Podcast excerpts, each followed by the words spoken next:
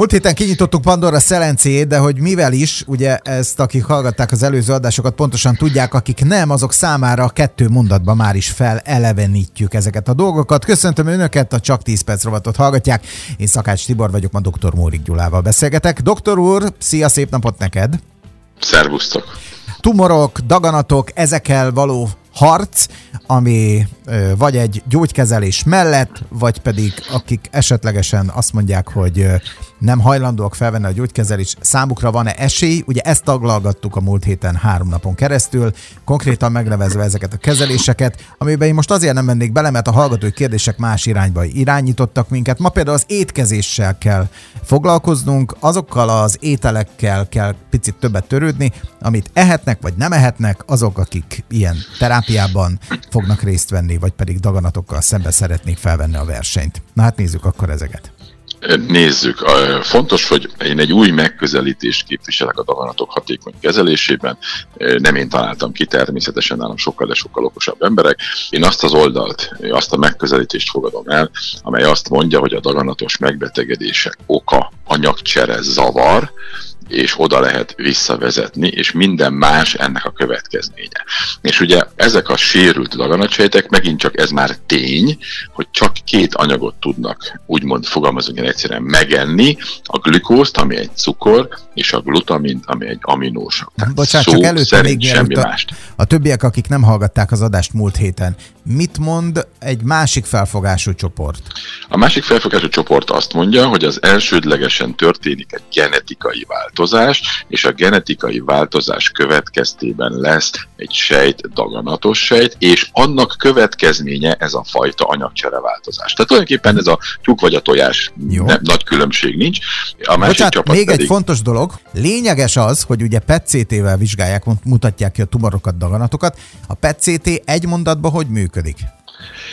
Lényegében egy radioaktív cukormolekulát beadunk a szervezetbe, a vérkeringésbe, az minden sejt annyit vesz fel belőle, amennyit tud vagy szeretne, és megnézzük, hogy valahol összegyűlnek-e ezek a radioaktív cukrok, ezt utána ugye mérjük, és ha valahol összegyűlnek, akkor az ott van a daganatsejt, mert a daganatsejt az, aki a legtöbbet és a legnagyobb mennyiségben és a leggyorsabban kiszedi a keringésből a cukrot. Tehát tulajdonképpen ez alapján mutatjuk ki is, hogy élhal a cukorért a daganatsejt. Jó, menjünk tovább.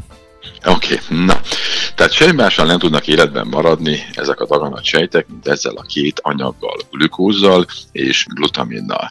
És nagyon sok hallgatói kérdés arra irányult, hogy, hogy daganat ellen javasolt ételek tartalmazzák ezt a két anyagot. Akkor most mi újság van? Akkor nagyon egyszerű a képet. Ha a daganat ellen javasolt ételek tartalmazzák, akkor azok nem jók a daganatok ellen. Tehát ezek ártanak, és a daganatokat segítik. Pont, ezen nincs mit vitatkozni. De akkor miért ajánlják, ugye számos ilyen kérdés is volt, mert, ez, mert ezek az anyagok kevésbé rosszak, mint mások. Tehát ugye ettől még nem lesz valami jó, hogy kevésbé rossz, mint más. Tehát ez egy fontos megközelítésbeli különbség. Tehát amely anyagok tartalmaznak glükózt vagy glutamint, azok az anyagok etetik a rákot, pont ezt így mindenki nyugodtan megtanulhatja. Na most, aztán sokan azt mondták, hogy ha a kemoterápiát felveszik, akkor viszont bármit lehet enni. Na most ez egy nagyon diplomatikus leszek, ez egy kapitális ostobaság. Én, senkit nem akarok lebeszélni a kemoterápiáról, aki szeretné, az éljen vele. Tudnélik igaz, hogy pusztítja a daganatsejteket, de sajnos pusztítja az egészségeseket is. Ha valaki ezt szeretné, az, az nem gond. De azt semmiképpen nem lehet mondani, hogy ha már viszont van kemoterápia, akkor, akkor mindent lehet enni. Ez egyszerűen szakmaiatlan hazugság. Tehát ez a hazugság, vagy ez a félreértelmezés az emberek életébe kerül. Ez, ez mondatlan ember, és ezt nem lehet csinálni.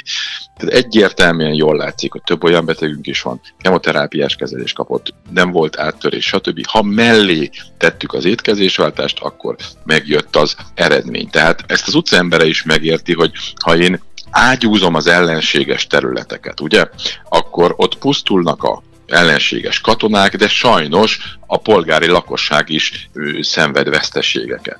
Na most akkor hamarabb győzök, ugye, ha időközben nem szállítok utánpótlást az ellenségnek.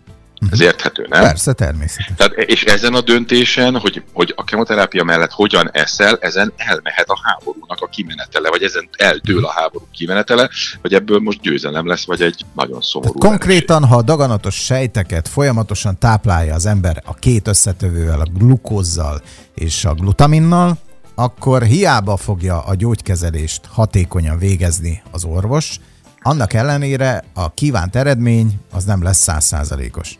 Így van, tehát az, az egyik oldalról pusztítom, a másik oldalról meg közben minden csata után egy kicsit ápolgatom, felnevelem, erősítem, fegyvert adok neki, hogy lövöldözzön nekem vissza. Tehát ez egy ostoba megközelítés, tehát semmi szín alatt nem, nem ezt kell csinálni, hanem minden lehetséges úton, módon küzdeni kell a daganatok ellen. De vannak olyan országok, ahol egyébként ilyen kemoterápiás, meg, meg sugárterápiás kezelések után süteményt, meg cukorsüdítőt adnak a betegek. Ez katasztrófa. Tehát aki ismeri a daganatot, az, az soha ilyet nem tenne. Ugye arról is jött kérdés nagyon sok, hogy orvosok ezt miért nem mondják, miért nem mutatják meg a betegeknek. Két dolog. Az egyik, hogy nagyon sok orvos akkor kezd el ezzel érdemben foglalkozni, és akkor kezd el róla beszélni, amikor a, a, a nagy mindennapi tudományos életből, ahol élte az életét évtizedeken keresztül, kikerül nyugdíjba, megy, stb., akkor rögtön nyitottabb lesz, mert már nem köti meg a kezét az a fajta protokoll, ami bábuként mozgatta az elmúlt időszakban. És az is lényeges, hogy azt is meg kell mindig nézni, hogy az orvos a saját betegségeit hogyan kezeli, mert, mert az is sok mindent elárul, hogy, hogy vajon magával is ugyanazt teszi-e. Az a lényeg csak, hogy ezt nem egyszerű megtanulni sem, ezek annyira új dolgok, hogy még nem tanítják az egyetemeken. De egyértelműen nem találkozik vele egy fiatal orvos, nem is tudja, hogy az étkezésváltással, ha az orvosilag is pontos, akkor lehet gyógyítani. Ez nagyon új, egyrészt, másrészt túl egyszerű, meg túl olcsó. Tehát ez olyan, mint a szemlővejszféle kézmosás. És abban nagyon jók vagyunk, ha operálni kell egyébként orvosilag, mert abban mindenki tudja már, hogy hol kell vágni, gyönyörűen, meg az eredmények, stb. stb. stb. stb. átadható, tanítható, de a daganatok elleni területek még azért nem állunk ilyen jól. Na menjünk is a következő kérdésre. A vörös húsok okozzák a tumorokat. Tehát a, a húsok azok problémát okoznak és tumorokat okoznak. Ezt én is naponta hallom igazából, de hát ez, ez egy Kijelentés totális... vagy kérdés? Meg kérdés, ez, ez, ez kérdés volt, de hogy igaz-e, ez a kijelentés, ez volt a kérdés. De most diplomatikusan fogalmazva, ez egy logikátlan butaság. Tehát Besenyi Pista bácsi kiáltott így fel Margitnak, hogy megkérdőjelezze Normális. Na igen, tehát az ember évmilliókig ezt ette. Komolyan, tehát éjjel-nappal volt daganat? Nem volt. Akkor hogyan lehetne ez igaz? Tehát egyszerűen kihaltunk volna. Tehát tudomásul kell venni, hogy megint nem egy öt diplomás kérdés. Egyszerűen nem volt gabona, nem volt kukorica, itt halászó, vadászó, gyűjtögető őseink voltak. Hallottál olyat, hogy búza termelő őseink voltak? Nagyon nem voltak. Tehát a növények egy évben egyszer hoznak termést aztán utána semmi könyörgöm. Akkor sincs, ha nincs tél, akkor is van bőség, meg ínség időszaka. Az emberek nem ezt csinálták, hanem állandóan vándoroltak, mentek az állatok után. Ez volt az életük két és fél millió évig. Mindent ettek, ami szembe jött. Gyökereket, igen, egyet-kettőt, ha találtak, megettek. Két vagy gyümölcsöt, persze, ha véletlenül találtak, megettek. De nem ezek voltak a jellemzőek, nem voltak almaligetek, nem, nem termeltek, nem volt bolt, tehát egyszerűen az volt, amit el lehetett fogni, le lehetett vadászni, ki lehetett halászni, és meg lehetett enni. És tudod, mi nem volt még? Micsoda? Hormonkezelt, vegyszeres, gabonával és táppal etetett állat. Na, ilyen nem volt még. Mert ha azt mondjuk, hogy ezek a történések gondokat okozhatnak az emberi száz százalékig egyet. Ez nem volt. Ilyen hús nem volt. De rákos megbetegedés sem volt, mert most meg érdekes módon van. Egy és napról napra több és több van. Tehát a millió feldolgozott étel, és főleg a feldolgozott szénhidrátok, ezek okozzák a legkomolyabb problémákat. Tehát egészséges emberek, daganatos betegek, könyörgöm, ébresztő. Hát végre mindenki hatékonyan meggyógyulhat, egészítse ki a meglévő terápiáját, gondolja végig ezeket a most hallottakat, és a tudomány az, az elérhető, hát ne éljen, zárójá halljon tudatlanságban, tehát van merre mozdulni. És még erről fogunk beszélni a héten. Igen, mert letelt az időnk, viszont hallgatói kérdések azok garmadával vannak itt, pihennek itt az asztalon, úgyhogy holnap ezzel folytatjuk. Megint hívunk, doktor úr, köszönjük szépen, és további szép napot neked. Szép napot mindenkinek.